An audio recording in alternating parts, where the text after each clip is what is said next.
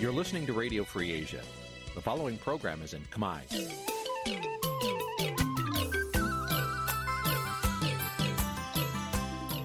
នេះជាកម្មវិធីផ្សាយ Vuthu Azizi Serai នេះជាកម្មវិធីផ្សាយរបស់ Vuthu Azizi Serai ជាភាសាខ្មែរ Vuthu Azizi Serai សូមស្វាគមន៍លោកអ្នកនាងទាំងអស់ពីរដ្ឋធានី Washington នៃសហរដ្ឋអាមេរិក ពីរដ្ឋធានី Washington ខ្ញុំបាទមួងណារ៉េតសូមជម្រាបសួរលោកនាងកញ្ញាអ្នកស្ដាប់វិទ្យុអាស៊ីសេរីទាំងអស់ជាទីមេត្រីយើងខ្ញុំសូមជូនកម្មវិធីផ្សាយសម្រាប់ព្រឹកថ្ងៃអង្គារ13កើតខែផល្គុនឆ្នាំឆ្លូវត្រីស័កពុទ្ធសករាជ2565ត្រូវនឹងថ្ងៃទី15ខែមីនាគ្រិស្តសករាជ2022បច្ចុប្បន្ននេះសូមអញ្ជើញលោកនាងកញ្ញាស្ដាប់ព័ត៌មានប្រចាំថ្ងៃដែលមានមេត្តាដូចតទៅ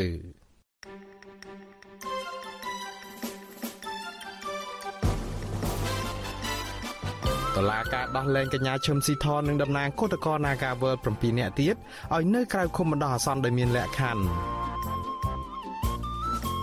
មន្ត្រីសិទ្ធិមនុស្សអន្តរជាតិថាមន្ត្រីជាន់ខ្ពស់ខ្មែរប្រាប់លោកថាលោកហ៊ុនសែនជាអ្នកបញ្ជាឲ្យគប់គ្រាប់បែកសម្រាប់ក្រុមបាតកោកាលពី25ឆ្នាំមុនអញ្ញាធរខេត្តប្រស័យអនុខាត់ខ្លួនពលរដ្ឋ10នាក់ពីបទចូលទន្ទ្រានកាន់កាប់ដីរដ្ឋ ក្រុមយុវជនបារម្ភពីវិនាសកម្មព្រៃសហគមន៍ក្បាលខ្លា នៅឯខេត្តកំពង់ធំ រួមនឹងព័ត៌មានផ្សេងៗមួយចំនួនទៀតបជាបន្តទៅទៀតនេះខ្ញុំបាទមួងណារ៉េតសូមជូនព័ត៌មានទាំងនេះពឺស្ដាបលរនាងជាទីមេត្រីអញ្ញាធរពន្ធនាគារបានដោះលែងកញ្ញាឈឹមស៊ីធដែលជាមេដឹកនាំសហជីពនិងសមាជិកសហជីពនៅកាស៊ីណូ Naga World ចំនួន7នាក់ផ្សេងទៀត ឲ្យនៅក្រៅឃុំបណ្ដោះអាសន្នទៅតាមការបង្គាប់របស់សាលាដំបងរាជធានីភ្នំពេញកាលពីយប់ថ្ងៃទី14ខែមីនាម្សិលមិញសមាជិកសហជីពដែលទើបបានចេញនៅក្រៅឃុំបណ្ដោះអាសន្ននិងអ្នកការពារសិទ្ធិមនុស្សអំពាវនាវឲ្យតុលាការទម្លាក់ចោលបទចោទប្រកាន់លើពួកគាត់និងដោះលែងបុគ្គលិក Nagawal 3នាក់ផ្សេងទៀតដែលកំពុងតែជាប់ឃុំដើម្បីបង្កស្ថានភាពល្អសម្រាប់ការចរចាដោះស្រាយវិវាទការងាររួមដែលអូសបន្លាយជាច្រើនខែមកហើយនោះ អ្នកស្រីសុជីវី មានសេចក្តីរាយការណ៍ជំវិញព័ត៌មាននេះអ្នកការពារសិទ្ធិមនុស្សយល់ថាដើម្បីបង្កលក្ខណៈងាយស្រួលឬធ្វើឲ្យការចរចារកដំណោះស្រាយមានដំណាភាពនិងស្មើភាពគ្នាតុលាការគួរតែទម្លាក់ចោលបទចោទប្រកាន់ទៅលើក្រុមមេដឹកនាំសហជីពនិងបុគ្គលិកកម្មករ Nagawal ដែលអាជ្ញាធរបានចោទប្រកាន់និងចាប់ឃុំនាយករងទទួលបន្ទុកកិច្ចការទូតនៃអង្គការសិទ្ធិមនុស្សលីកាដូលោកអំសំអាត សាទរនឹងការសម្ដែងដោះលែងអ្នកជាប់ឃុំទាំង8នាក់ ប៉ុន្តែលោកថា ពួកគេគួរទទួលបានសេរីភាពពេញលេញនៅមុនការចរចារកដំណោះស្រាយជាមួយភាគីក្រុមហ៊ុនព្រោះមើលទៅពួកគាត់នឹងមិនបានប្រព្រឹត្តអ្វីខុស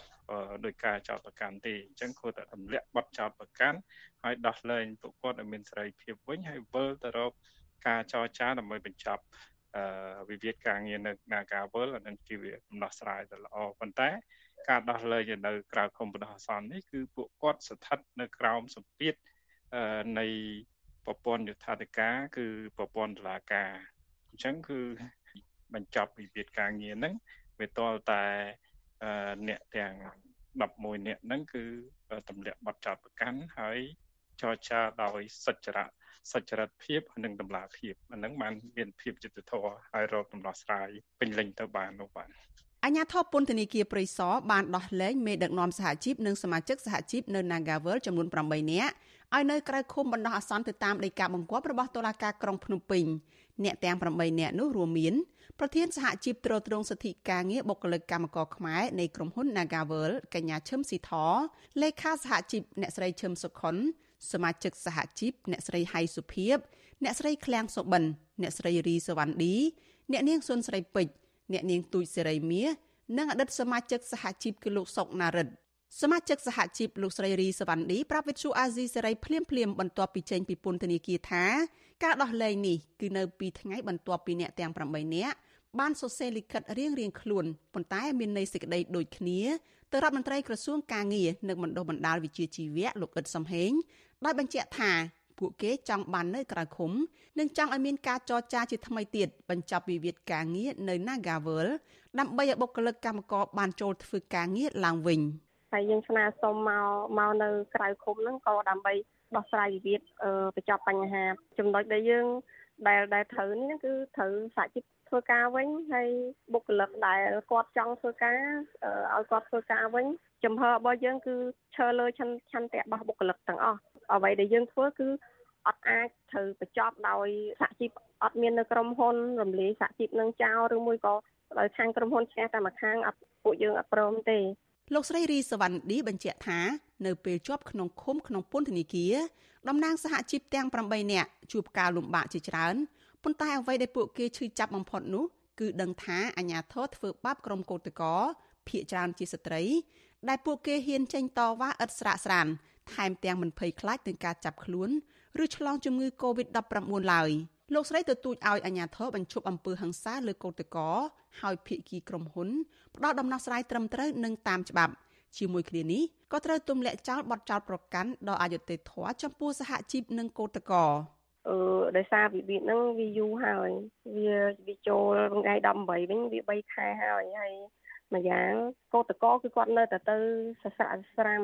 ទោះបីជាមានធីបង្ក្រាបឬក៏ជំងឺ Covid នេះគឺពួកគាត់អត់ខ្លាចទេអឺ សង្ឃឹមថាការដោះលែងដែលអន្តរាគមពីក្រសួងនឹង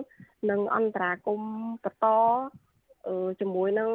ក្រុមហ៊ុនជាមួយនឹងសហជីពដើម្បីដោះស្រាយវិវាទនឹងបញ្ចប់សម្រាប់ការអត់តម្លាក់ការចោតខ្ញុំគិតថាធ្វើអញ្ចឹងអត់យុត្តិធម៌ទេពីព្រោះដោយសារតែពួកខ្ញុំអត់មានបានញុះញង់អ្នកណាទេ មេដឹកនាំនិងសហជីពនៅ Nagavel ទាំង8នាក់បានជាប់ឃុំរយៈពេល74ថ្ងៃគិតត្រឹមថ្ងៃទី14ខែមីនា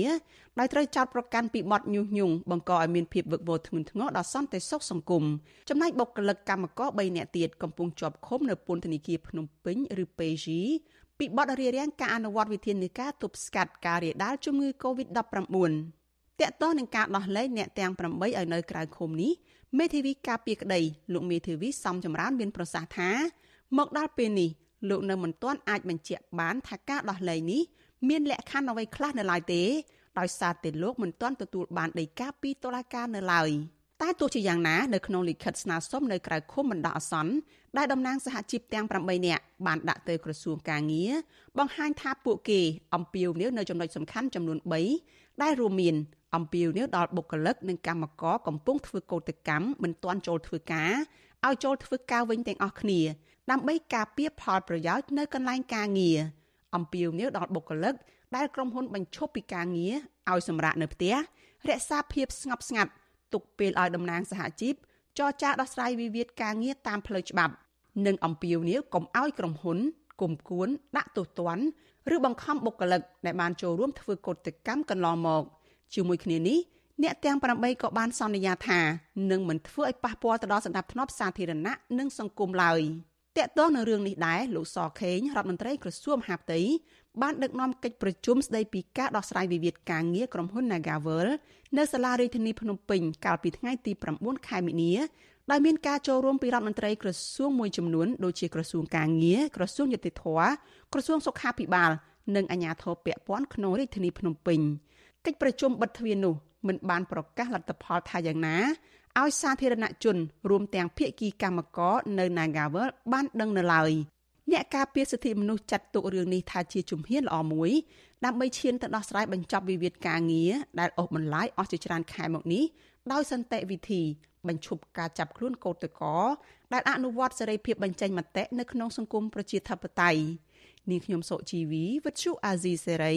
ពីរដ្ឋធានី Washington បាទលោកអ្នកស្ដាប់ជាទីមេត្រី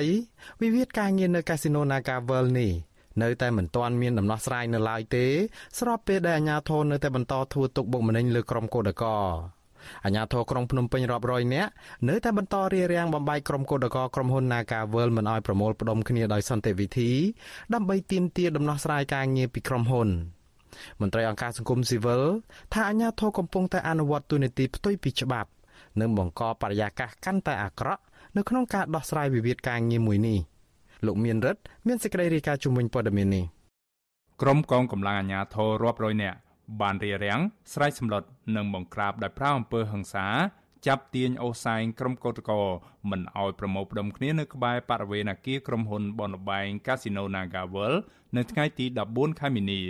អាញាធរបានរុញច្រានកោតកោបោកនឹងខ្នល់និងបានចាប់ខ្លួនកោតកោជិត200នាក់ញាត់បញ្ចូលទៅក្នុងរថយន្តក្រុងទាំងកំរោលដឹកទៅមណ្ឌលចតាឡៃសាព្រៃភ្នៅដូចសពដងកោតក្រម្នាក់នឹងជាបុគ្គលិកក្រុមហ៊ុន Casino Nagavel កញ្ញានប់រ៉ាំរាវប្រាវិសុយស៊ីស្រីនៅថ្ងៃទី14ខែមីនាថាក្រុមកោតក្របានព្យាយាមឈរទាំងកណ្ដាលថ្ងៃក្តៅនៅមុខអគារក្រុមហ៊ុនស្រែកឲ្យថកែចេញមុខមកដោះស្រាយ ក៏ប៉ុន្តែមិនដល់5នាទីផងកញ្ញាថាក្រុមប៉ូលីសពាក់ឯកសណ្ឋានស៊ីវិលជាច្រើនអ្នកបានសម្រុកមកបង្ក្រាបរុញច្រានក្រុមកោតក្រទាំងកំរោលដោយបង្ខំឲ្យឡើងរថយន្តក្រុងកញ្ញាចាត់ទុកការបង្ក្រាបមកលើក្រុមកោតក្រដដែលនេះថាជាអំពើខុសខើធ្វើបាបក្រុមស្ត្រីទុនខ្សោយដែលគ្រាន់តែទាមទារឆ្នាំងបាយបញ្ឈប់ការរើសអើងសហជីព និងទាមទារឲ្យដោះលែងតំណាងសហជីពទាំង11នាក់ដែលកំពុងជាប់ឃុំទាំងអយុធធរពួកខ្ញុំជាប្រជាជនតែងតែពឹងលើអាជ្ញាធរដើម្បីដោះស្រាយបញ្ហានីមួយៗដល់ពេលឥឡូវស្រាប់តែពួកខ្ញុំមានវិវាទជាមួយក្រុមហ៊ុនសោះតែបែរជាអាជ្ញាធរមកចេញមុខការពារក្រុមហ៊ុនបែបនេះពួកខ្ញុំទទួលយកបានទេតើធ្វើបែបនេះសម្រាប់ពួកខ្ញុំគឺសាហាវខ្លាំងបំផុតគឺពួកគាត់ដឹងតែមួយយ៉ាងគឺត្រូវតែធ្វើមកទាញឲ្យពួកខ្ញុំចេញពីកន្លែងហ្នឹងឲ្យបានចេញពីទីតាំងបរិវេណរបស់ក្រុមហ៊ុន Nagavel គាត់អត់ស្គាល់ថាសកម្មភាពហ្នឹងបែបណាគឺ ថាត្រូវតែរុញពួកខ្ញុំធ្វើមិនឲ្យចូលលើឡានធ្វើមិនឲ្យចេញពីកន្លែងហ្នឹងទោះបីមានអ្នកទាំងងន់មិនស្គាល់មិនមានអ្នកទាំងងន់មិនក៏ដោយកោតក្រម្នាក់ទៀតកញ្ញាច័ន្ទស្រីមុំប្រាវិសុស៊ីស្រីថា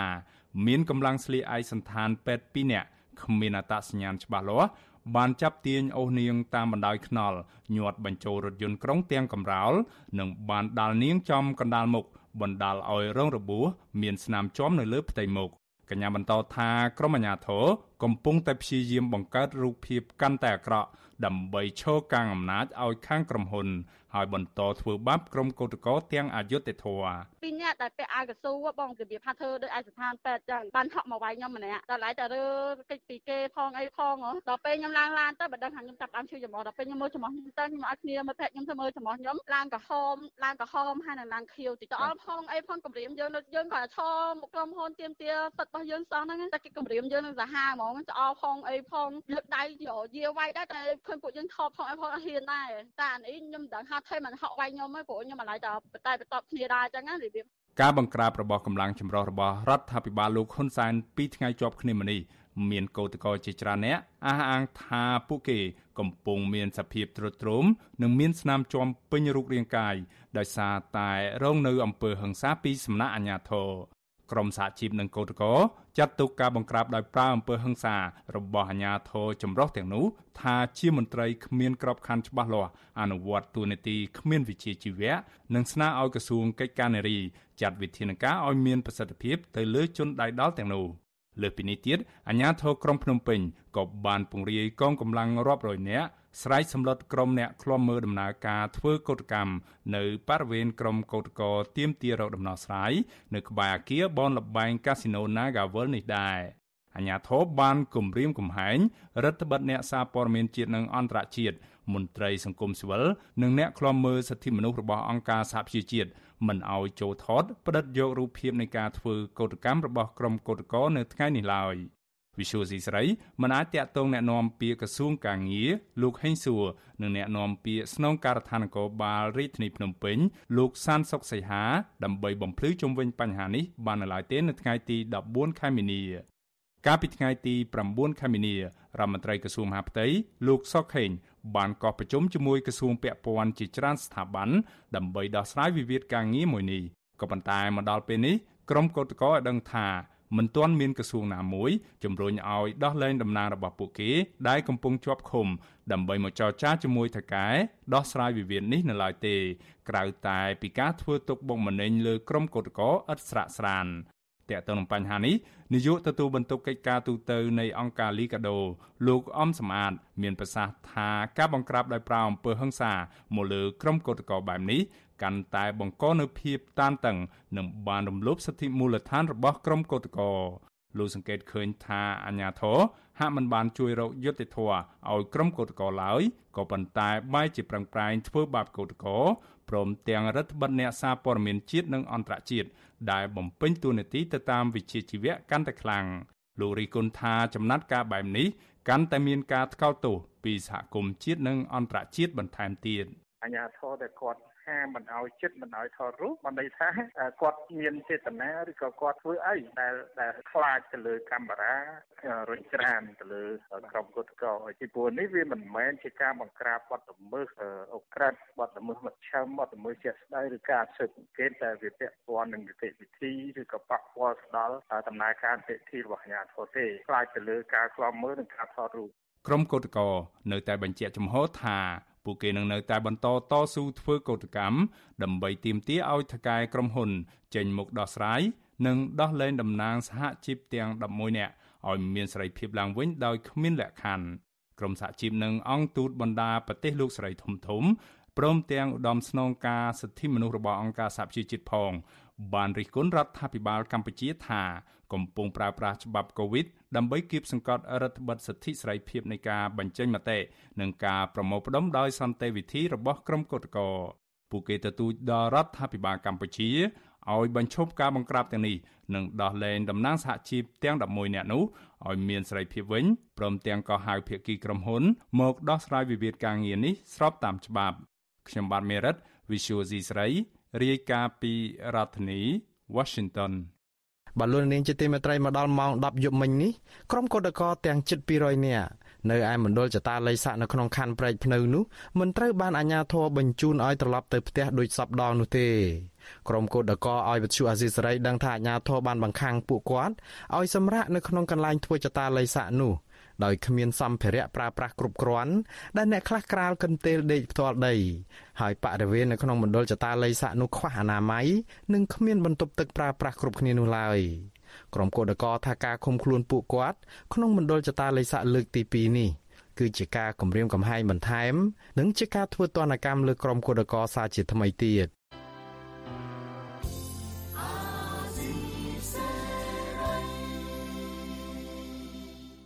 បាទលោកនាងជាទីមេត្រីលោកនាងកំពុងតែស្ដាប់ការផ្សាយរបស់វិទ្យុអាស៊ីសេរីដែលផ្សាយចេញពីរដ្ឋធានី Washington សហរដ្ឋអាមេរិកលោកនាងក៏អាចស្ដាប់ការផ្សាយរបស់វិទ្យុអាស៊ីសេរីដំណើរគ្នាទៅនឹងការផ្សាយតាមបណ្ដាញសង្គម Facebook និង YouTube នេះតាមរយៈរលកធារកាសខ្លីឬក៏ Shortwave ពេលព្រឹកចាប់ពីម៉ោង5កន្លះដល់ម៉ោង6កន្លះតាមរយៈរលកធារកាសខ្លី9390 kHz ស្មើនឹងកម្ពស់ 32m និង11850 kHz ស្មើនឹងកម្ពស់ 25m ពេលយប់ចាប់ពីម៉ោង7កន្លះដល់ម៉ោង8កន្លះតាមរយៈរលកធារកាសខ្លី9390 kHz ស្មើនឹងកម្ពស់ 32m និង15155 kHz ស្មើនឹងកម្ពស់ 20m បាទសូមអរគុណបលូននាងជាទីមេត្រីជំវិញភាពចង្អៀតណែននៃពន្ធនាគារឯណោះវិញឧត្តមស្នងការអង្គការសហប្រជាជាតិទទួលបន្ទុកផ្នែកសិទ្ធិមនុស្សប្រចាំនៅកម្ពុជា បន្តលើកឡើងអំពីក្តីបារម្ភតាក់ទងទៅនឹងបញ្ហានេះព្រោះវាបង្កហានិភ័យធ្ងន់ធ្ងរដល់ជនជាប់ឃុំមន្ត្រីឃ្លាំមើលសិទ្ធិមនុស្សយល់ថាបញ្ហានេះប៉ះពាល់ខ្លាំងដល់សតិអារម្មណ៍របស់ជនជាប់ឃុំដែលរដ្ឋាភិបាលគួរតែប្រញាប់ដោះស្រាយបញ្ហានេះឲ្យបានឆាប់អាជ្ញាធរពន្ធនាគារបញ្ជាក់ថារដ្ឋាភិបាល កំពុងតែព្យាយាមដោះស្រាយបញ្ហានេះហើយលោកទីនសាការីយ៉ារាយការណ៍ជំនួយព័ត៌មាននេះវិបត្តិចង្អៀតណែនក្នុងពន្ធនាគារ នៅតែជាក្តីបារម្ភសម្រាប់តំណាងអង្គការសហប្រជាជាតិផ្នែកសិទ្ធិមនុស្សប្រចាំនៅកម្ពុជាព្រោះនេះជាដើមហេតុនាំឲ្យទៅរកការរំលោភសិទ្ធិមនុស្សធ្ងន់ធ្ងរនិងអំពើទរណកម្មក្នុងរូបភាពផ្សេងផ្សេងការិយាល័យឧត្តមស្នងការអង្គការសហប្រជាជាតិទទួលបន្ទុកផ្នែកសិទ្ធិមនុស្សនៅកម្ពុជា បានបង្ហោះសារនៅលើទំព័រ Facebook ផ្លូវការនៅថ្ងៃទី14មីនាដោយរំលឹកឡើងវិញអំពីរបាយការណ៍ឆ្នាំចាស់ដែលបង្ហាញថាពន្ធនាគារកម្ពុជាកាលពីឆ្នាំ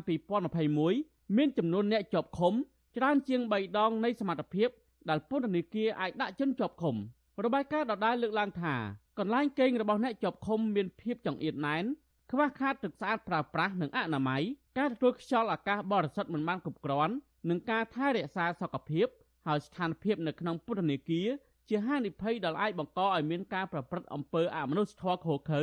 និងការបន្ទាបបន្ថោកជាដើម។ របាយការណ៍ដដាលក៏បានរាយការណ៍អំពីករណីសង្ស័យនៃការស្លាប់ក្នុងពេលឃុំឃាំងមួយចំនួនដែលតែងតែកើតមានជារៀងរាល់ឆ្នាំក៏ប៉ុន្តែកម្រមាននីតិវិធីតឡាការដើម្បីរកយុត្តិធម៌ជនជនរងគ្រោះនិងគ្រួសាររបស់ពួកគេណាស់ដើម្បីរួមចំណែកដោះស្រាយបញ្ហានេះអង្គការសហប្រជាជាតិទទួលបន្ទុកផ្នែកសិទ្ធិមនុស្សបានរៀបចំកិច្ចប្រជុំជាច្រើនស្ដីពីការបង្ការអំពើទរណកម្មជាមួយស្ថាប័នរដ្ឋាភិបាល ជាពិសេសគណៈកម្មាធិការជាតិប្រឆាំងទរណកម្មអង្គការសង្គមស៊ីវិល តើតើនៅបញ្ហានេះអ្នកនាំពាក្យអគ្គនាយកដ្ឋានពន្ធនាគារនៃក្រសួងមហាផ្ទៃលោកនុតសាវណ្ណាប្រាប់វិទ្យុអាស៊ីសេរីដែលទទួលស្គាល់ថា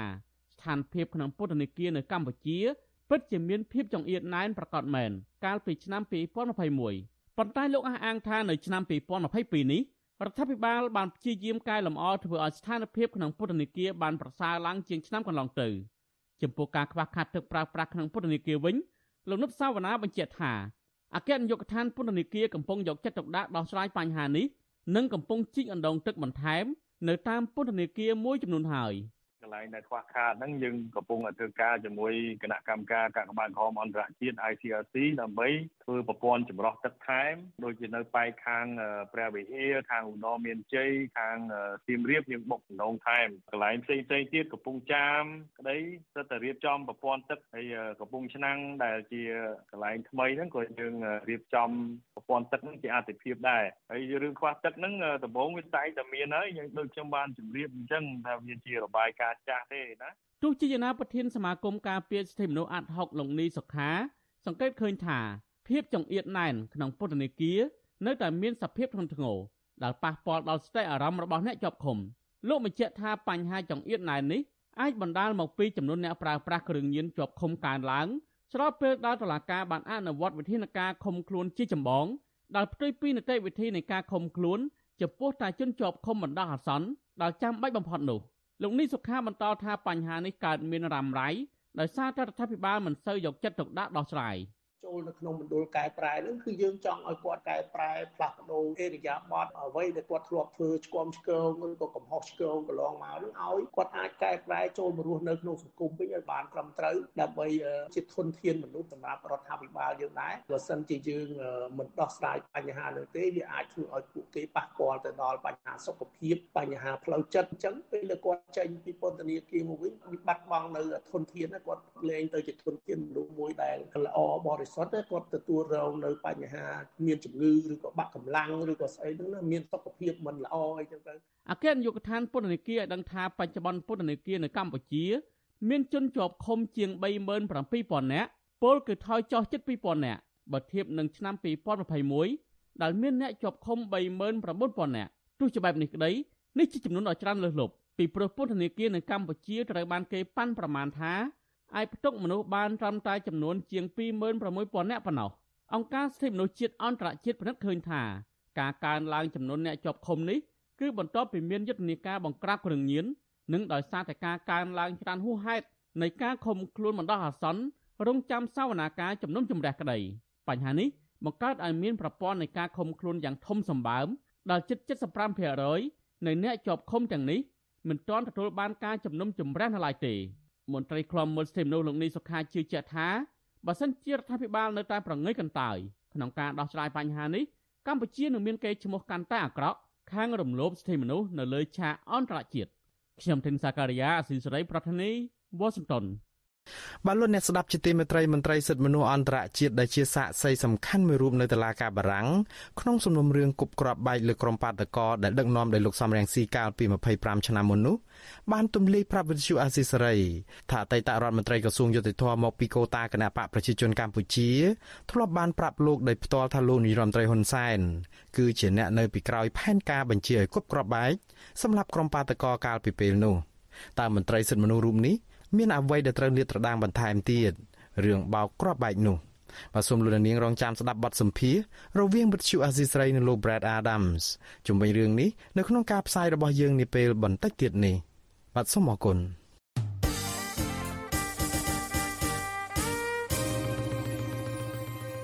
បលូននាងជាទីមេត្រីងាកមករឿងក្តីក្តាំនៅតុលាការពាក់ព័ន្ធនឹងកូនប្រុសសកម្មជននយោបាយបកប្រឆាំងឯនោះវិញ ក្រុមគ្រួសារនិងមន្ត្រីសិទ្ធិមនុស្សចាត់ទុកសាលដីការបស់សាលាធរក្រុងភ្នំពេញដែលសម្រេចតម្កល់សាលក្រមផ្ដន្ទាទោសក្មេងប្រុសកសវណ្ណឆៃទុកថាជាបានការដដែលនោះ ថាជារឿងអយុត្តិធម៌ពួកគេបន្តទៀមទាដល់អាជ្ញាធរឲ្យទម្លាក់ចោលបទចោទប្រកាន់ទៅលើក្មេងប្រុសរូបនេះវិញព្រោះរូបគេមិនបានប្រព្រឹត្តបទល្មើសអ្វីឡើយហើយម្យ៉ាងទៀតគេជាអនិច្ចជនដែលមានជំងឺសតិស្មារតី ក្រុមគ្រួសារនិងមន្ត្រីសិទ្ធិមនុស្សខកចិត្តជាខ្លាំងចំពោះការសម្រេចរបស់សាលាធរក្រុងភ្នំពេញដែលពួកគេចាត់ទុកថាជារឿងមិនត្រឹមត្រូវនិងមិនអាចក្រៀកដោយសារតែរឿងនយោបាយម្ដាយរបស់ក្មេងប្រុសកសវណ្ណឆៃគឺលោកស្រីព្រំច័ន្ទថាប្រាប់វិទ្យុអាស៊ីសេរីថាសាលាធរភ្នំពេញសម្រាប់សេចក្តីដោយអយុត្តិធម៌និងស្ថិតក្រោមសម្ពាធនយោបាយដែលជារឿងមិនអាចទទួលយកបាននោះឡើយលោកស្រីនៅតែអះអាងថាកូនប្រុសលោកស្រី មិនមានកំហុសដោយការចោទប្រកាន់នោះទេ បើទោះបីជាយ៉ាងនេះក្តីប្រពន្ធសមាជិកបកប្រឆាំងដែលកំពុងតែជាប់ឃុំរូបនេះឲ្យដឹងថាលោកស្រីនឹងពិភាក្សាជាមួយមេធាវីការពារក្តីដើម្បីប្តឹងសារទុកទៅតុលាការកំពូលបន្តទៀតស្របពេលដែលបច្ចុប្បន្ននេះកូនប្រុសលោកស្រីតែងតែរំលឹករឿងរ៉ាវនៅក្នុងពន្ធនាគារដែលគួរឲ្យឈឺចាប់បំផុតធ ម្មតាតឡាការគឺការពៀបជាប្រវត្តិនឹងធ្វើអ្វីក៏ដោយឯករាជ្យយុតិធម៌ដល់ពេលឲ្យគាត់ចាប់កូនខ្ញុំដាក់ពន្ធនាគារកំហុសឲ្យដាក់ទោសកូនខ្ញុំហើយឥឡូវហ្នឹងដល់តាមទៅអតដើម្បីឲ្យតម្រូវការចោទគាត់អត់ទៀតគាត់គិតយ៉ាងម៉េចបានជាគាត់ធ្វើទង្វើបែបហ្នឹងដាក់ប្រជាពលរដ្ឋស្លូតត្រង់ដែលឃើញកំហុសសោះដែលខិនតែក្មេងម្នាក់ដែលមានជំងឺប្រចាំកាយ លោកស្រីព្រំច័ន្ទថាបញ្ចេញប្រតិកម្មបែបនេះក្រោយពេលសាលាធរក្រុងភ្នំពេញបានប្រកាសសាលដីកានៅព្រឹកថ្ងៃទី14ខែមីនាដោយសម្រេចដំកល់សាលក្រមផ្ដន្ទាទោសក្មេងប្រុសកសវណ្ណឆៃតឡាការក្រុងភ្នំពេញបានផ្ដន្ទាទោសអនិច្ចជនរូបនេះដាក់ពន្ធនាគារចំនួន8ខែពីបទញុះញង់និងបទប្រមាថមន្ត្រីរាជការសាធារណៈពាក់ព័ន្ធទៅនឹងការបង្ហោះសារតាមបណ្ដាញសង្គម ក៏ប៉ុន្តែតឡាការជាន់ទាបមួយនេះបានសម្រេចឃុំខ្លួនក្មេងប្រុសកសវណ្ណឆៃរយៈពេល4ខែកន្លះដោយទោសនៅសល់ត្រូវព្យួរ ថ្មីត្បិតតែត្រូវបានដោះលែងក្តីក្មេងប្រុសកសវណ្ណឆៃត្រូវបានតឡាការក្រុងភ្នំពេញដាក់ឲ្យស្ថិតក្រោមការព្យួរទោសសាកល្បងរយៈពេល2ឆ្នាំ ដោយតម្រូវឲ្យបង្ហាញខ្លួននៅចំពោះមុខតឡាការគ្រប់ពេលដែលត្រូវបានកោះហៅឬជូនដំណឹងទៅតឡាការនិងត្រូវសុំការអនុញ្ញាតប្រសិនបើគាត់ផ្លាស់ប្ដូរអាសយដ្ឋាន និងចង់ចាក់ចេញពីប្រទេសក្រៅពីនេះនៅមានលក្ខខណ្ឌមួយចំនួនទៀត។ វិទ្យុអាស៊ីសេរីមិនអាចតាក់ទងប្រធានសាលាធរភ្នំពេញលោកយុបិនលេងដើម្បីសាកសួរបន្ថែមអំពីការសម្រេចរបស់សាលាធរនៅក្នុងសំណុំរឿងនេះបានទេនៅថ្ងៃទី14ខែមីនាជុំវិញរឿងនេះប្រធានសមាគមការពារសិទ្ធិមនុស្សអាត់ហុកលោកនីសុខាសង្កេតឃើញថាក្មេងប្រុសកសវណ្ណឆៃបានទទួលរងការចាប់ខ្លួននិងផ្ដន្ទាទោសដោយអយុត្តិធម៌តាំងពីដំបូងដោយសារតែនេះគឺជារឿងនយោបាយ មន្ត្រីអង្គការសង្គមស៊ីវិលរូបនេះបារម្ភថាការសម្រេចមិនទម្លាក់ចោលការចោទប្រកាន់និងមិនផ្ដល់សេរីភាពពេញលេញឲ្យអនិច្ចជនរូបនេះនឹងធ្វើឲ្យប៉ះពាល់ដល់កិត្តិយសនិងអនាគតក្មេងប្រុសរូបនេះមិនតែប៉ុណ្ណោះលោកថាតឡាការនឹងបន្តរងការរិះគន់បន្ថែមទៀតពីសហគមន៍ជាតិនិងអន្តរជាតិអំពីភាពមិនឯករាជ្យរបស់ខ្លួន ពិតជាមានការសោកស្ដាយចំពោះការសម្រេចក្នុងការតម្កល់សាលក្រមរបស់សាលាដំបងចំពោះករណីកុមារកសវណ្ណឆៃនេះពីព្រោះថារឿងនេះវាជារឿងមួយដែលយើងយល់ថាវាជាការចាក់ខ្លួនជាការចោទប្រកាន់ដោយអយុត្តិធម៌ចំពោះករណីនេះតាំងពីដើមទីមកករណីនេះកុមារកសវណ្ណឆៃក្មេងម្នាក់ដែលគ្រាន់តែជាការប្រើប្រាស់នូវសិទ្ធិសេរីភាពក្នុងការបញ្ចេញមតិ ក្មេងប្រុសកសវណ្ណឆៃបច្ចុប្បន្នមានអាយុ17ឆ្នាំគឺជាកូនប្រុសរបស់សកម្មជនបកប្រឆាំងគឺលោកកកុម្ភាដែលបច្ចុប្បន្នកំពុងជាប់ឃុំនៅពន្ធនាគារព្រៃសរក្រោមបទចោទរួមគំនិតក្បត់និងបទញុះញង់ស្របពេលដែលអ្នកស្រីព្រំចន្ទថា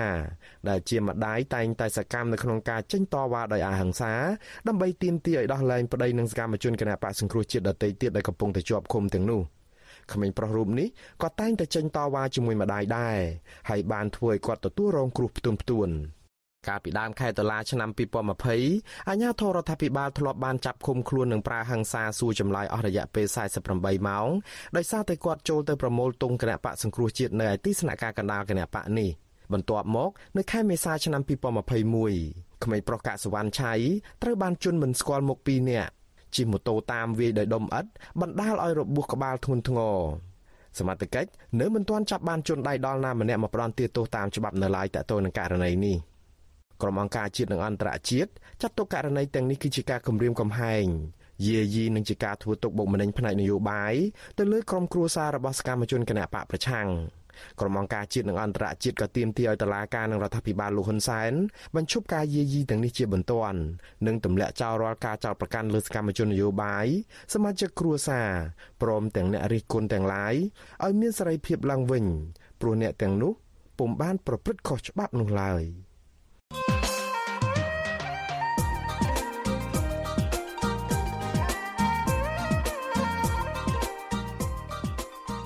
បលូននាងជាទីមេត្រីនៅយប់ថ្ងៃអង្គារទី15ខែមីនានេះនេតិវេទិកាអ្នកស្ដាប់វិទ្យុអាស៊ីសេរីនឹងមានកិច្ចពិភាក្សាដេញដោលគ្នាមួយរវាងអ្នកមានមតិផ្ទុយគ្នាជុំវិញការចូលរួមបោះឆ្នោតរបស់គណៈបកភ្លើងទៀនកញ្ញាសេងធីរីដែលប្រកាសថានឹងមិនចូលរួមជាមួយនឹងគណៈបកភ្លើងទៀនទោះជាមានការបញ្ចុះបញ្ចូលយ៉ាងណាក្តីនឹងព្រមទាំងរិះគន់ការចូលរួមបោះឆ្នោតរបស់គណៈបកភ្លើងទៀនផងនោះ នឹងធ្វើជាវាគ្មិនតទល់នឹងលោកបណ្ឌិតសេងសេរីលោកបណ្ឌិតសេងសេរីក៏នឹងផ្ដល់ការវិភាគវែកញែកថាតើការចូលរួមបោះឆ្នោតបែបណា ដើម្បីកុំឲ្យខ្លាចជាការចូលរួមដើម្បីកំដរឆាកនយោបាយរបស់លោកហ៊ុនសែននោះសំលួននាងរងចាំស្ដាប់នឹងទេសនានីតិវេទិកាអ្នកស្ដាប់វិទ្យុអាស៊ីសេរីដែលនឹងជជែកអំពីបញ្ហានេះនៅយប់ថ្ងៃអង្គារទី15ខែមីនានេះកុំបីខានលោកនាងអាចសួរវាគ្មិនរបស់យើង ឬបញ្ចេញមតិយោបល់ សូមលោកនាងដាក់លេខទូរស័ព្ទរបស់លោកនាងនៅក្នុងខ្ទង់ comment របស់ Facebook ឬក៏ YouTube របស់ Vuthu Azisari ដែលកំពុងផ្សាយផ្ទាល់នៅពេលនេះក្រុមការងាររបស់ Vuthu Azisari នឹងហៅទៅលោកនាងវិញកម្មវិធីនេះសម្រាប់សម្រួលដោយលោកជុនច័ន្ទបតសូមអរគុណបលុននាងជាទីមេត្រីនៅឯខេត្តកំពង់ធំឯណោះប្រជាពលរដ្ឋព្រួយបារម្ភរឿងហិនហោចព្រៃ ក្រុមយុវជននិងសកម្មជនការពារព្រៃឈើអះអាងថាអាញាធរខេត្តកំពង់ធំបានបណ្តែតបណ្តោយឲ្យកើតមានសកម្មភាពកាប់រៀនព្រៃសហគមន៍ទ្រង់ទ្រាយធំដែលធ្វើឲ្យវិបត្តិហិនហោចព្រៃឈើកាន់តែរីកធំឡើងពិបាកដោះស្រាយការលើកឡើងនេះធ្វើឡើងក្រោយពីពួកគាត់បានចុះទៅសិក្សាស្រាវជ្រាវអំពីស្ថានភាពព្រៃសហគមន៍ក្បាលខ្លានៅក្នុងខេត្តកំពង់ធំកាលពីសប្តាហ៍មុនលោកសនច័ន្ទរដ្ឋាមានសេចក្តីរាយការណ៍ជំវិញព័ត៌មាននេះក្រមយុវជននិងសកម្មជនការពារព្រៃឈើ សង្កេតឃើញថាសកម្មភាពកាប់រៀនដីព្រៃសហគមន៍បានក្លាយជាទម្លាប់ពេញនិយមមួយបន្ទាប់ពីសកម្មភាពកាប់ឈើមានតម្លៃធ្វើអាជីវកម្មនិងការដានទាក់ចាប់សត្វព្រៃខុសច្បាប់ពួកគេបារម្ភថាប្រសិនបើរដ្ឋាភិបាលនិងអាជ្ញាធរខេត្តនេះមិនរកមធ្យោបាយដោះស្រាយបញ្ចប់បញ្ហាទៅនេះទេព្រៃអភិរក្សគ្រប់តំបន់នឹងហិនហោចបន្តិចម្ដងបន្តិចម្ដងជារៀងរាល់ថ្ងៃមន្ត្រីសម្របសម្រួលគម្រោងនៃសមាគមបណ្ដាញយុវជនកម្ពុជា CVN លោកអូឡាទីនបានប្រាវវិទ្យុអេស៊ីសេរីនៅថ្ងៃទី14ខែមីនា ថាប្រិយសហគមន៍ក្បាលខ្លាដែលមានផ្ទៃដីជិត2000ហិកតាកំពុងស្ថិតក្នុងភាពមិនច្បាស់លាស់ក្នុងការគ្រប់គ្រងនិងការដោះស្រាយលោកចោទថាទម្លាប់អាក្រក់របស់អាជ្ញាធរគឺពន្យាពេលមកដោះស្រាយបទល្មើសព្រៃឈើដែលក្រុមជលល្មើសទើបតែកាប់រៀនថ្មីថ្មីហើយបាយជារងចាំរហូតដល់ដំណាំស្វាយចន្ទីនិងដំណាំផ្សេងទៀតរីកធំឡើងទើបដោះស្រាយ។ ពីបញ្ហាកើតឡើងដំបូងបញ្ហានៅតូចអត់ព្រមកម្រើអត់ព្រមធ្វើកិច្ចអន្តរាគមន៍នៅក្នុងការដោះស្រាយទេដល់ពេលបញ្ហាកាន់តារិធំយើងមានបញ្ហាយើងមានការលំបាកនៅក្នុងការដោះស្រាយហើយប្តីផ្ដួលផ្ដេតផ្ដោយតាមនឹងតែសម្រាប់ព្រៃក៏កាន់តារិចរិលហើយទឹកចិត្តអ្នកការពារព្រៃដែលខិតខំការពារព្រៃតាំងពីដើមមកព្រៃកាន់តែតូចទៅតូចទៅធ្វើឲ្យគាត់បាក់ទឹកចិត្តដែរនៅក្នុងការការការពារព្រៃនោះកាលពីសប្តាហ៍មុនក្រមយុវជន28នាក់មកពីរាជធានីភ្នំពេញ បានចុះស្រាវជ្រាវនិងសិក្សាអំពីស្ថានភាពព្រៃសហគមន៍ក្បាលខ្លារយៈពេល5ថ្ងៃចាប់ពីថ្ងៃទី4ដល់ថ្ងៃទី8ខែមីនាបេសកកម្មនេះពួកគេរកឃើញបលល្មើសកាប់រៀនដីព្រៃសហគមន៍និងសកម្មភាពកាប់ឈើមានតម្លៃក្នុងដែនអភិរក្សនេះអស់ជាច្រើនហិកតាដែលចំនួនមកវិញនៅដំណាំស្វាយចន្ទីនិងដំណាំផ្សេងផ្សេងទៀតក្រមយុវជនថាប្រជាសហគមន៍កំពុងវវែងទំហំព្រៃសហគមន៍ដែលទើបតែកាត់ទន្ទ្រានរយៈពេលជាង2ខែចុងក្រោយនេះដើម្បីធ្វើរបាយការណ៍ជុំមន្ត្រីជំនាញដោះស្រាយ។ ប្រធានប្រិយសហគមន៍ក្បាលខ្លាលោកវងសានបានថ្លែងប្រាប់ក្រមយុវជន ថាប្រិយសហគមន៍នេះផ្ដល់ប្រយោជន៍ជូនដល់ប្រជាពីរភូមិគឺភូមិស្រែចង់និងភូមិក្បាលខ្លានៃឃុំសណ្ដានស្រុកសណ្ដានខេត្តកំពង់ធំលោកថាព្រៃនេះផ្ដល់ប្រយោជន៍ដល់ប្រជាពលរដ្ឋតាមរយៈមុខរបរប្រពៃណីរបស់ប្រជាពលរដ្ឋដូចជារកវជ័រផ្ដៅរកឃ្មុំបេះផ្សិតកងោកលក់និងចាប់សារពីងដើម្បីលក់នៅពេលទំនេរលោកបារម្ភថាប្រសិនបើបញ្ហាប្រឈមទាំងឡាយគ្មានការដោះស្រាយពីអាជ្ញាធរច្បាស់លាស់ទេ ចលនានៃការកាប់ព្រៃរៀនយោដីនឹងរីកឡើងកាន់តែធំ ហើយព្រៃនឹងកាន់តែរួមតូចវិទ្យុអេស៊ីសេរីមិនតន់អាចសុំការបំភ្លឺរឿងនេះពីអភិបាលស្រុកសណ្ដានលោកលងគិសឹងនិងអភិបាលខេត្តកំពង់ធំលោកងួររតនៈបាននៅឡើយទេ នៅថ្ងៃទី14ខែមីនាដោយទូរស័ព្ទហៅចូលច្រើនដងតែគ្មានអ្នកលើកសកម្មជនការពារព្រៃឈើខេត្តកំពង់ធំលោកហ៊ឿនសុភិបមានប្រសាសន៍ថាការរកឃើញរបស់ក្រមយុវជនគឺជារឿងត្រឹមត្រូវដោយសារអាជ្ញាធរធ្វើប្រហែសច្រើនក្នុងការប្រែព្រៃឈើ លោកថាទម្លាប់អាក្រក់មួយទៀតគឺអាញាធរតែប្រើលេសឆ្លើយដោះសារដែលជាហេតុលើកទឹកចិត្តឲ្យក្រុមជនល្មើសបន្តបំផ្លាញព្រៃឈើដោយគ្មានទោសពៃរឿងអាក្រក់មួយនៅពេលដែលក្រមសហគមន៍ឬក៏ក្រមយុវជនទៅស្រាវជ្រាវបានហើយរៀបចំដាក់ពាក្យបណ្ដឹងទៅខាងអាជ្ញាធរទៅខាងសមត្ថកិច្ចគឺអាជ្ញាធរសមត្ថកិច្ចគឺមានហេតុផលនយោលេសថាចេះថាចោះ វាពជាពេលឲ្យក្រុមទាំងអស់នោះគឺការកាប់បំផ្លាញព្រៃឈើបើនិយាយទៅគឺនៅតែមានការលើកទឹកចិត្តឲ្យក្រុមបំផ្លាញនៅតែមានការកាប់បំផ្លាញបន្ថែមទៀតណាព្រៃសហគមន៍ក្បាលខ្លាមានទំហំជិត2000ហិកតា បង្កើតឡើងកាលពីឆ្នាំ2006ទទួលស្គាល់ពីក្រសួងកសិកម្មកាលពីឆ្នាំ2015ប្រជាសហគមន៍ស្រមៃថាប្រសិនបើព្រៃសហគមន៍នេះខ្លាយជាតំបន់ទេសចរធម្មជាតិប្រជាប្រដ្ឋពីភូមិនឹងមានជីវភាពធូរធារកាត់បន្ថយសកម្មភាពល្មើសច្បាប់ផ្សេងៗ និងជួយការពារគម្របព្រៃឈើនៅកម្ពុជាល្អប្រសើរទប់ទល់នឹងបំរែបំរួលអាកាសធាតុខ្ញុំសនចាររថាវិទ្យុអេស៊ីសរ៉ៃរាយការណ៍ពីរដ្ឋធានីវ៉ាស៊ីនតោនបលូននាងជាទីមេត្រីនៅឯខេត្តប្រស័យហនុឯណោះអាជ្ញាធរចាត់ការពលរដ្ឋដែលនាំគ្នាកាប់ឆ្ការព្រៃអាជ្ញាធរខេត្តប្រស័យអនុកាលពីថ្ងៃទី13ខែមីនាបានឃាត់ខ្លួនប្រជាពលរដ្ឋចំនួន10នាក់ពីបទចូលទន្ទ្រានកាន់កាប់ដីរដ្ឋក្នុងដែនឧទ្យានជាតិជួរភ្នំក្រវាញខាងត្បូង ស្ថិតនៅចំណុចគីឡូ15ភូមិចាំស្រីឃុំកំពង់សាឡានៅឯស្រុកកំពង់សាឡាខេត្តប្រស័យអនុតាមសេចក្តីប្រកាសព័ត៌មានរបស់មន្ទីរបរិស្ថានខេត្តប្រស័យអនុកាលពីថ្ងៃទី13ខែមីនានោះមន្ទីរបរិស្ថាននេះបានចោទប្រជាពលរដ្ឋទាំងនោះថាមានចលនាប្រមូលផ្ដុំប្រជាពលរដ្ឋប្រមាណជិត300នាក់ឲ្យចូលទន្ទ្រានកាន់កាប់ដីរដ្ឋក្នុងដែនឧទ្យានជាតិនោះមន្ទីរដដាលអះអាងថាខ្លួនបានណែនាំប្រជាពលរដ្ឋទាំងនោះជាមុនដែរក៏ប៉ុន្តែពួកគាត់មិនស្ដាប់ ទើបឈានទៅដល់ការខាត់ខ្លួននិងដកហូតឧបករណ៍ឆ្ការព្រៃមួយចំនួន មានដូចជាចបជីកកំបិតផ្គាក់តង់ស្នាក់នៅរថយន្តនិងម៉ូតូជាដើមមន្ទីរនេះបញ្ជាក់ទៀតថាពលរដ្ឋទាំង10នាក់នោះត្រូវសមត្ថកិច្ចពាក់ព័ន្ធកំពុងតែបំពេញនីតិវិធីកសាងសំណុំរឿងបញ្ជូនទៅសាលាដំបងខេត្តប្រស័យអនុ បើតាមច្បាប់ស្តីពីតំបន់ការពារធម្មជាតិអ្នកជាប់ឃុំទាំងនេះអាចប្រឈមនឹងជាប់ពន្ធនាគារពី5ទៅ10ឆ្នាំ និងពិន័យជាប្រាក់ពី15លានរៀលដល់150លានរៀលបើតឡាការរកឃើញថាមានទោសពីបទកាប់គាស់រុករានព្រៃឆ្កាដុតនិងឈូសឆាយដីព្រៃរដ្ឋដើម្បីយកទៅធ្វើជាកម្មសិទ្ធិឯកជនដោយខុសច្បាប់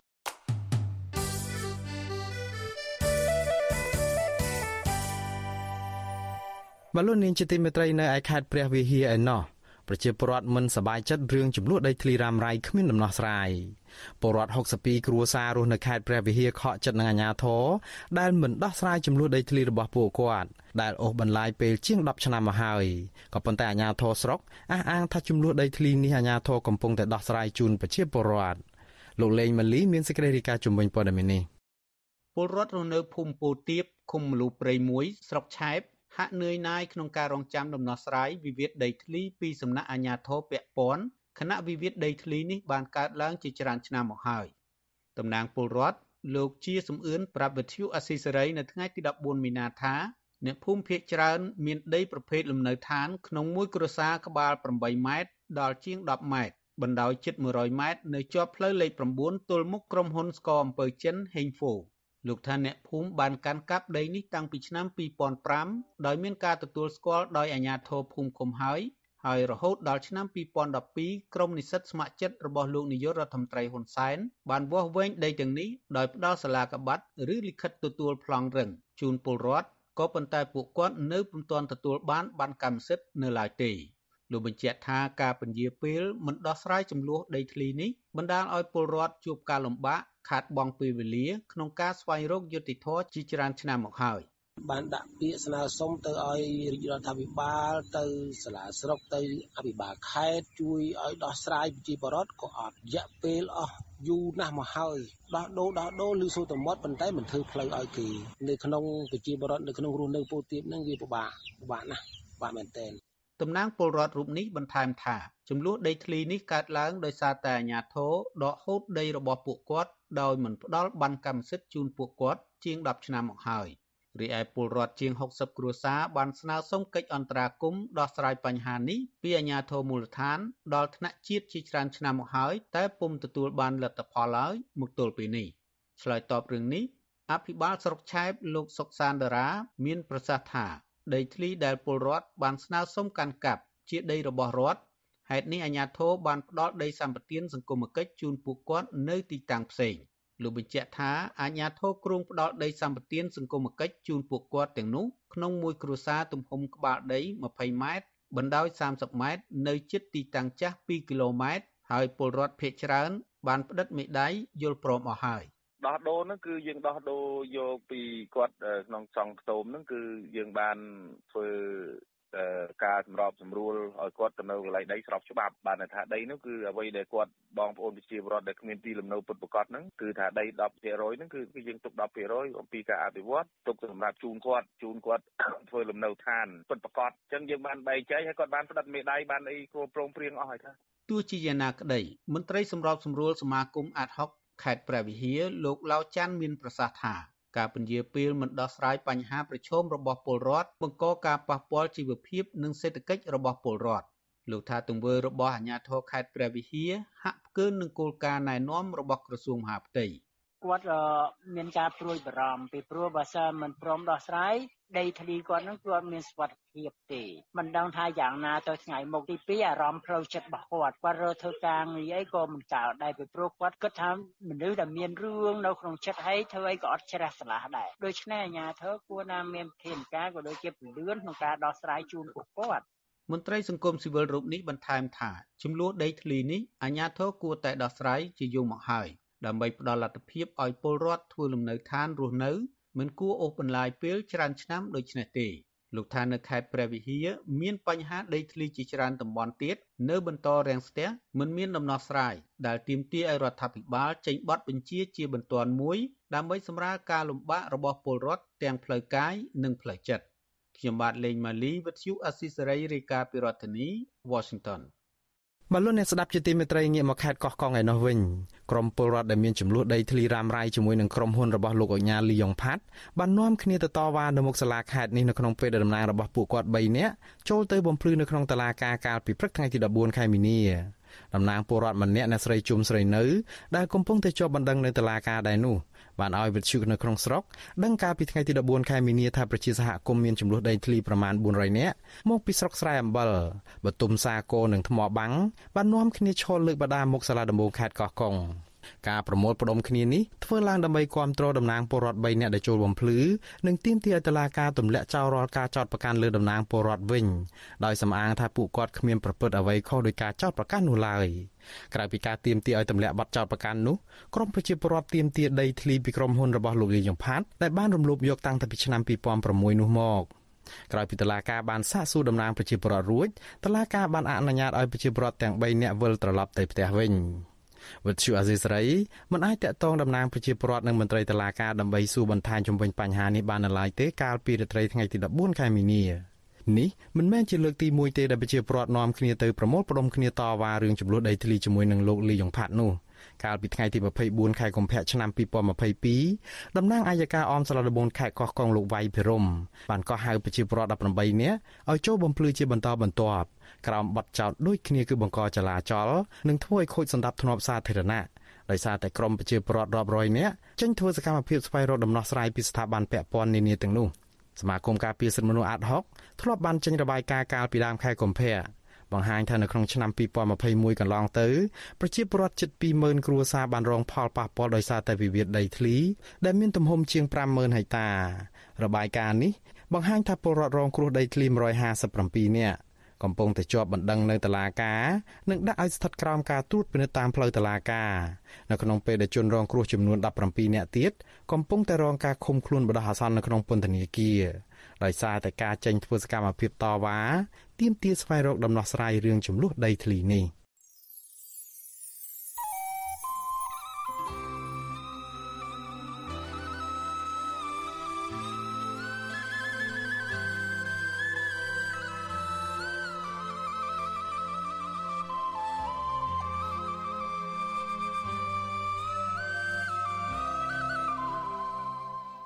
បលូននាងជាទីមេត្រីព័ត៌មានដាច់ដោយឡែកឯណោះអំពីទំនាក់ទំនងយោធាកម្ពុជានិងជប៉ុន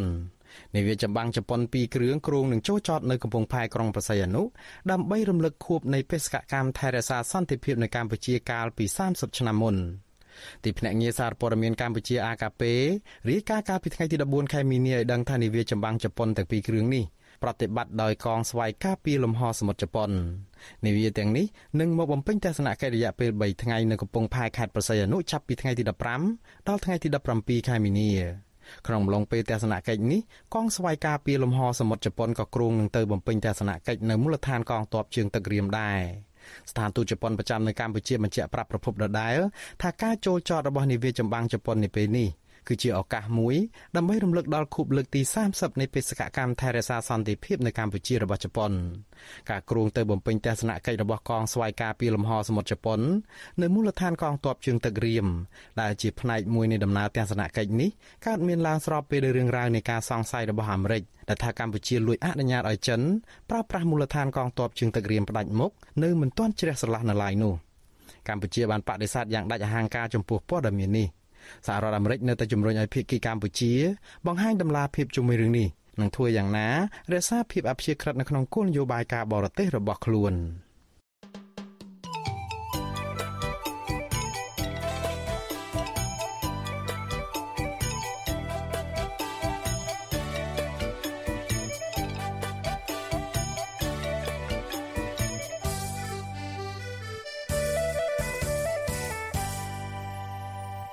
បលូននាងជាទីមេត្រីងាកទៅវិបត្តិនៃសង្គ្រាមឈ្លានពានរបស់រុស្ស៊ីនៅអ៊ុយក្រែនឯណោះវិញ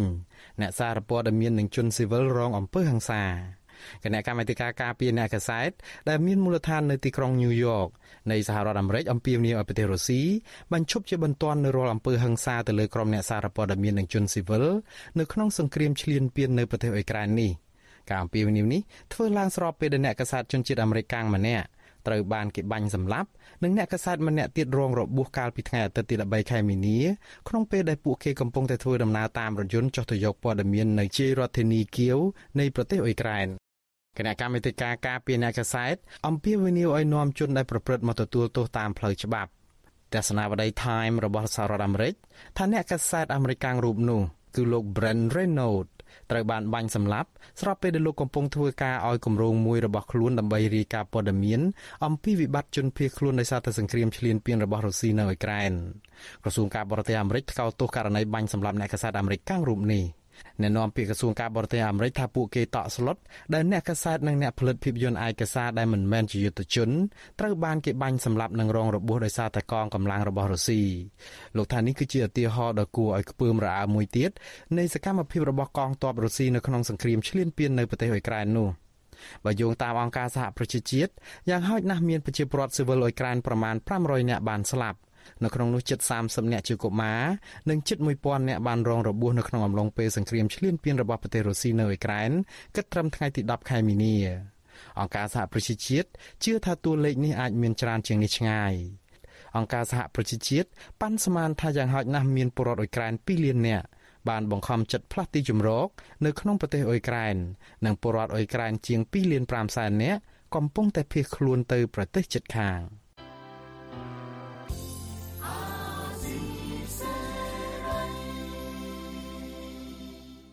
បាទលោកនាងជាទីមេត្រីលោកនាងកំពុងតែស្ដាប់ការផ្សាយរបស់វិទ្យុអាស៊ីសេរីដែលផ្សាយចេញពីរដ្ឋធានី Washington សហរដ្ឋអាមេរិកលោកនាងក៏អាចស្ដាប់ការផ្សាយរបស់វិទ្យុអាស៊ីសេរីដំណើរគ្នាទៅនឹងការផ្សាយតាមបណ្ដាញសង្គម Facebook និង YouTube នេះតាមរយៈរលកធារកាសខ្លីឬក៏ Shortwave ពេលព្រឹកចាប់ពីម៉ោង5កន្លះដល់ម៉ោង6កន្លះតាមរយៈរលកធារកាសខ្លី9390 kHz ស្មើនឹងកម្ពស់ 32m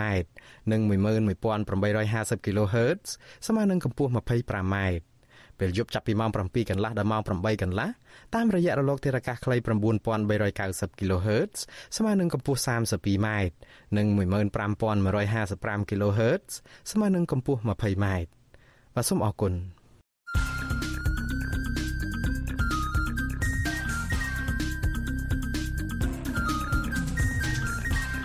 បតសំភារ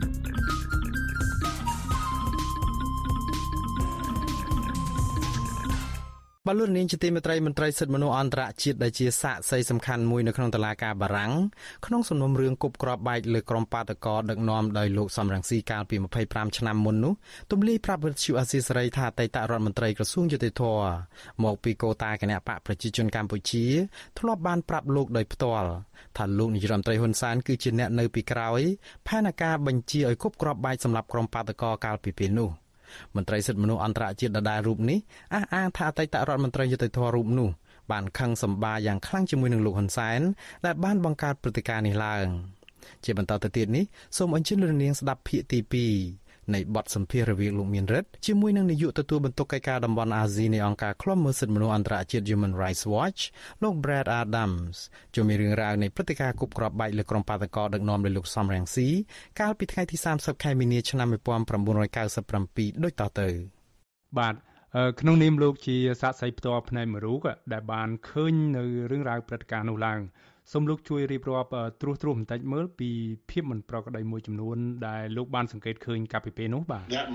បាទកាលព្រឹកនោះមានមនុស្សប្រមាណជា2ទៅ300នាក់ដែលបានចូលរួមធ្វើបាតកម្មនោះលោកសំរងស៊ីកាលនោះបានរៀបចំបាតកម្មជាបន្តបន្ទាប់ហើយភាគច្រើននៃសំណើបាតកម្មរបស់លោកអាជ្ញាធរតែងតែបដិសេធក៏ប៉ុន្តែនៅថ្ងៃនោះបាតកម្មដែលលោកស្នើឡើងត្រូវបានអនុញ្ញាតឲ្យធ្វើពីក្រសួងមហាផ្ទៃ វាជារឿងគួរឲ្យភ្ញាក់ផ្អើលដែរពេលព្រឹកនោះខ្ញុំកំពុងនៅផ្ទះស្រាប់តែខ្ញុំបានទទួលទូរស័ព្ទមកប្រាប់ថាមានការបោកគ្រាប់បែកនៅមុខអគាររដ្ឋសភាហើយគេបានប្រាប់ខ្ញុំឲ្យប្រញាប់ទៅទីនោះខ្ញុំក៏ធ្វើដំណើរទៅដល់ទីនោះប្រមាណជា10នាទីក្រោយមកនៅពេលដែលខ្ញុំទៅដល់ទីនោះខ្ញុំឃើញមានសាកសពមនុស្សដេកស្ដុកស្ដឹងនៅលើបរិវេណសួនច្បារមុខអគាររដ្ឋសភា វាគឺជារឿងរ៉ាវដ៏គួរឲ្យរអើមបំផុតដែលខ្ញុំមិនដែលធ្លាប់បានឃើញក្នុងមួយជីវិតរបស់ខ្ញុំ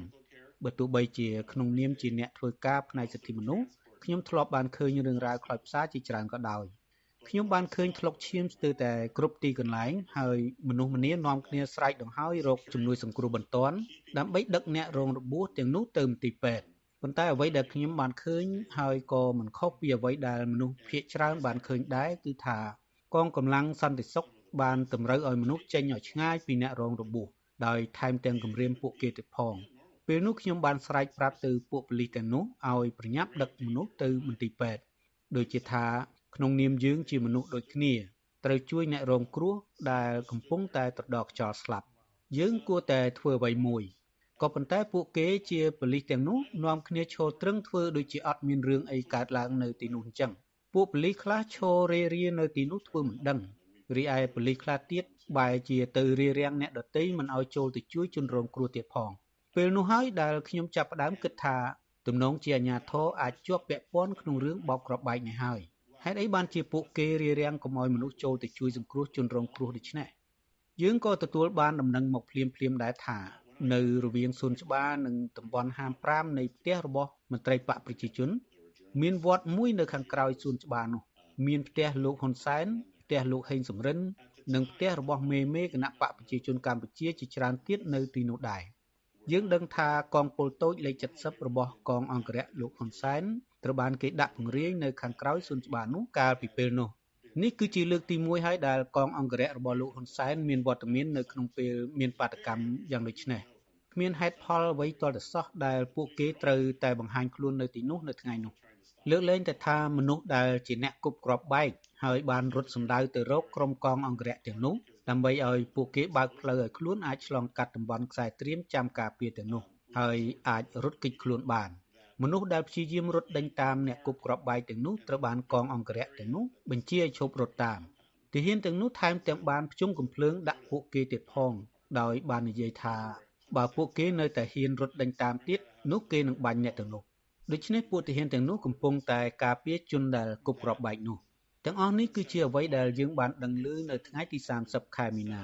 ក៏ប៉ុន្តែការស៊ើបអង្កេតរបស់យើងបន្តបន្ទាប់មកទៀតរកឃើញថានរណាគឺជាអ្នកទទួលខុសត្រូវក្នុងសំណុំរឿងនេះគឺថាមានមន្ត្រីយោធាពាក់សាក់4ម្នាក់ដែលទទួលខុសត្រូវលើក្រុមកងអង្គរៈដែលមានវត្តមាននៅទីតាំងនោះ មន្ត្រីយោធារូបនោះក្រោយមកត្រូវបានភ្នាក់ងារស៊ើបអង្កេតសហព័ន្ធ FBI របស់អាមេរិកសាកសួរដំបូងឡើយមន្ត្រីពាក់សាក់4នោះបានបដិសេធថាលោកមិនបានមានវត្តមាននៅទីនោះទេ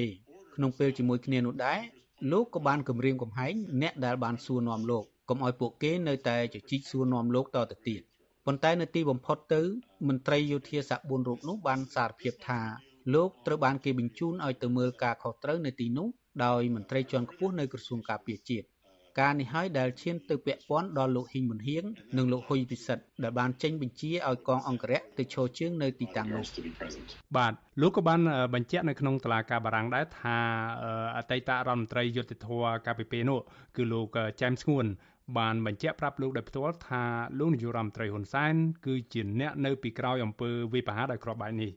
សូមលោកជួយប្រាប់បន្តិចទៅមើលអំពីការដែលលោកបានជួបជាមួយនឹងរដ្ឋមន្ត្រីក្រសួងយុទ្ធភ័ពរូបនោះនឹងថាតើអ្វីខ្លះទៅដែលលោកបានពិភាក្សាជាមួយលោកចែមស្ងួនកាលពីពេលនោះបាទ I met with James Sagun in July បាទប្រកាសណាស់ខ្ញុំបានជួបជាមួយលោកចែមស្ងួននៅខែកក្កដាឆ្នាំ1997ក្រោយអំពើរដ្ឋប្រហារពេលនោះខ្ញុំបានមកធ្វើការនៅក្នុងប្រទេសកម្ពុជាអស់រយៈពេលជាង5ឆ្នាំហើយ ខ្ញុំបានស្គាល់រដ្ឋមន្ត្រីរូបនោះដោយសារតែខ្ញុំទទួលបន្ទុកជាជំនួយការផ្នែកច្បាប់សម្រាប់ការិយាល័យសិទ្ធិមនុស្សរបស់អង្គការសហប្រជាជាតិហើយយើងបានបង្កើតកម្មវិធីបណ្ដុះបណ្ដាលផ្នែកច្បាប់ដែលហៅថាកម្មវិធីបណ្ដុះបណ្ដាលគ្រូបង្គោលយុតិធធ យើងមានក្រុមមេធាវីនិងក្រុមចៅក្រមជាច្រើនរូបដែលមានបទពិសោធន៍មកពីតុលាការនៅទូទាំងប្រទេសជាយាមបណ្ដុំបណ្ដាលចៅក្រមពីរបៀបរបបធ្វើការងាររបស់ពួកគេពីព្រោះថាចៅក្រមជាច្រើនពុំបានឆ្លងកាត់វគ្គសិក្សាអប់រំត្រឹមត្រូវផ្នែកច្បាប់នោះទេលោកចែមស្ងួនគឺជាអ្នកគ្រប់គ្រងឲ្យមានកម្មវិធីនេះឡើងខ្ញុំបានទៅជួបជម្រាបលាលោកនិងអរគុណលោកដែលបានផ្ដល់កិច្ចសហប្រតិបត្តិការនិងជម្រាបលោកអំពីបច្ចុប្បន្នភាពនៃការងាររបស់អង្គការសហប្រជាជាតិ លើវិស័យច្បាប់និងយុតិធម៌នៅកម្ពុជាខ្ញុំក៏បានចាប់ផ្ដើមស្គាល់គាត់នៅរយៈពេលចុងក្រោយនោះក្រោយពីបានជួបលោកជាច្រើនលើកមកយើងបានចាប់ផ្ដើមនិយាយពីរឿងរដ្ឋប្រហារនិងព្រឹត្តិការណ៍បោកគ្រាប់បែកលោកចែមស្ងួនបានខឹងសម្បានឹងលោកហ៊ុនសែនខ្លាំងមែនទែនដែលបានដឹកនាំធ្វើរដ្ឋប្រហារនោះឡើងនេះហើយជាអ្វីដែលយើងចាប់ផ្ដើមជជែកគ្នានៅក្នុងការសន្ទនារបស់យើងលោកចែមស្ងួនបាននិយាយប្រាប់ខ្ញុំថា មនុស្សជាច្រើនក្នុងជួរផ្ទៃក្នុងរបស់គណៈបកប្រជាជនកម្ពុជារួមទាំងលោកផង បានប្រាប់លោកហ៊ុនសែនកុំឲ្យធ្វើរដ្ឋប្រហារព្រោះថាកម្ពុជាទើបតែមានអន្តៈទើបតែមានការបោះឆ្នោតតាមរយៈកិច្ចព្រមព្រៀងសន្តិភាពទីក្រុងប៉ារីកម្ពុជាទើបតែចាប់ផ្ដើមទទួលបានការទទួលស្គាល់ស្របច្បាប់ឡើងវិញពីអន្តរជាតិនិងកម្ពុជាកំពុងបោះជំហានក្នុងផ្លូវមួយឆ្ពោះទៅរកលទ្ធិប្រជាធិបតេយ្យតាមរបៀបមួយ ដូច្នេះលោកចែមស្ងួននិយាយថាគ្មានហេតុផលអ្វីដែលត្រូវធ្វើដូច្នេះទេលោកចែមស្ងួនក៏បានបញ្ចេញឈ្មោះរដ្ឋមន្ត្រីដទៃទៀតមានដូចជាលោកសខេងលោកទាបាញ់និងរដ្ឋមន្ត្រីជាន់ខ្ពស់ដទៃទៀតដែលបានយល់ស្របជាមួយលោកហើយបាននិយាយប្រាប់ទៅលោកហ៊ុនសែនកុំឲ្យធ្វើរដ្ឋប្រហារលោកចែមស្ងួនខឹងមែនទែននៅពេលនោះពីព្រោះថានៅពេលនោះគ្រាន់តែប៉ុន្មានសប្តាហ៍ក្រោយអំពីរដ្ឋប្រហារនោះភ្លាមពិភពលោកទាំងមូលបានថ្កោលទោសប្រទេសកម្ពុជាយ៉ាងសម្បើមមែនទែន មានការដាក់ទណ្ឌកម្មជាច្រើនលោកឆ្អែតចិត្តមិនចង់ឃើញកម្ពុជាត្រឡប់ទៅរកសម័យកាលមុនអន្តៈវិញនោះទេ នៅពេលដែលប្រទេសកម្ពុជាត្រូវបានគេដាក់ឲ្យនៅឯកានិងមិនត្រូវបានក្រុមប្រទេសលោកខាងលិច និងពិភពលោករាប់រកទាំងសេដ្ឋកិច្ចនយោបាយនិងការទូតដូច្នេះគឺថាលោកចែមស្ងួនខឹងខ្លាំងមែនទែនហើយគាត់បាននិយាយចេញមកច្បាស់ច្បាស់តែម្ដងក៏ប៉ុន្តែលោកស្នើខ្ញុំកុំឲ្យប្រាប់ឲ្យអ្នកដទៃដឹងដែលខ្ញុំបានធ្វើតាម ខ្ញុំបានទម្លាយរឿងនេះនៅពេលដែលគាត់បានស្លាប់ទៅហើយទេ បន្ទាប់មកលោកចែមស្ងួនបាននិយាយដល់អំពើវាយប្រហារដោយគ្រាប់បែកខ្ញុំបានសួរនាំគាត់អំពីរឿងនេះហើយលោកបាននិយាយថាលោកក៏ខឹងសម្បានឹងលោកហ៊ុនសែនដែរដែលបានបញ្ជាឲ្យធ្វើដូច្នេះខ្ញុំច្បាស់ណាស់ថាលោកចែមស្ងួនគិតថាការបោកគ្រាប់បែកនេះគឺខុសទាំងផ្នែកសិលធម៌និងផ្លូវច្បាប់ហើយលោកក៏គិតថាវាមិនមែនជារឿងរ៉ាវឆ្លាតវៃទាល់តែសោះក្នុងការធ្វើដូច្នេះ ហើយវានឹងរឹតតែធ្វើឲ្យគណៈបកប្រជាជនកម្ពុជាមានឈ្មោះកាន់តែអាក្រក់ខ្លាំងឡើងគាត់បានប្រាប់ខ្ញុំថាលោកហ៊ុនសែនជាអ្នកចេញបញ្ជាឲ្យធ្វើដូច្នេះលោកចែមស្ងួនថាលោកពិតជាសោកស្ដាយមែនទែនខ្ញុំគិតថាលោកចែមស្ងួនអាចគិតថាលោកនឹងមិនយល់ទាស់ទេប្រសិនបើគេបញ្ជាឲ្យចាប់ខ្លួនលោកសំរងស៊ីកាលពីពេលនោះជុំ វិញរឿងរ៉ាវដូចជាថាលោកសំរងស៊ីបានដឹកនាំរៀបចំបាតកម្មដោយខុសច្បាប់ជាដើមប៉ុន្តែលោកចែមស្ងួនមិនមែនជាមនុស្សសេរីនិយមអីនោះទេលោករៀងសេរីជាងបើប្រៀបធៀបនឹងលោកហ៊ុនសែនលោកគ្រាន់តែជាមេដឹកនាំនិងជារដ្ឋមន្ត្រីក្រសួងយុតិធម៌មួយរូបរបស់គណៈបកមួយដែលមិនជឿលើលទ្ធិប្រជាធិបតេយ្យខ្ញុំបានសួរគាត់ថាតើគាត់ដឹងថាលោកហ៊ុនសែននៅពីក្រោយការបញ្ជាគប់ក្របបែកនោះដោយរបៀបណា ក៏ប៉ុន្តែលោកមិនបានប្រាប់ខ្ញុំទេបាទសូមអរគុណលោកបានបាទអរគុណ បាទលោកនាងទៅបានស្ដាប់ភាគ2នៃបទសម្ភាសន៍រវាងលោកមានរិទ្ធជាមួយនឹងលោក Brad Adams ដែលលោកបានទម្លាយឲ្យដឹងថាអតីតរដ្ឋមន្ត្រីក្រសួងយុតិធធកូតាគណៈបកប្រជាជនកម្ពុជាគឺលោកចែមស្ងួនធ្លាប់ប្រាប់លោកថាលោកហ៊ុនសែនគឺជាអ្នកនៅពីក្រោយការបញ្ជាឲ្យបោកក្របបែកសម្រាប់ក្រុមបាតកោកាលពី25ឆ្នាំមុនសូមអញ្ជើញលោកនាងរងចាំស្ដាប់ភាគទី3ដែលជាភាគបញ្ចប់នៃបទសម្ភាសន៍នេះនៅក្នុងកម្មវិធីផ្សាយលើកក្រោយរបស់យើងសូមអរគុណ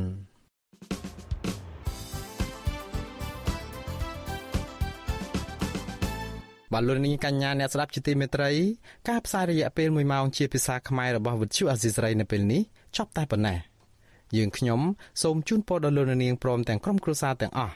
ឲ្យជួបប្រកបតែនឹងសេចក្តីសុខចម្រើនរុងរឿងកុំបីឃ្លៀងឃ្លាតឡើយខ្ញុំបាទមុងណារ៉េតព្រមទាំងក្រុមការងារទាំងអស់នៃវិទ្យុអាស៊ីសេរីសូមអរគុណនិងសូមជម្រាបលា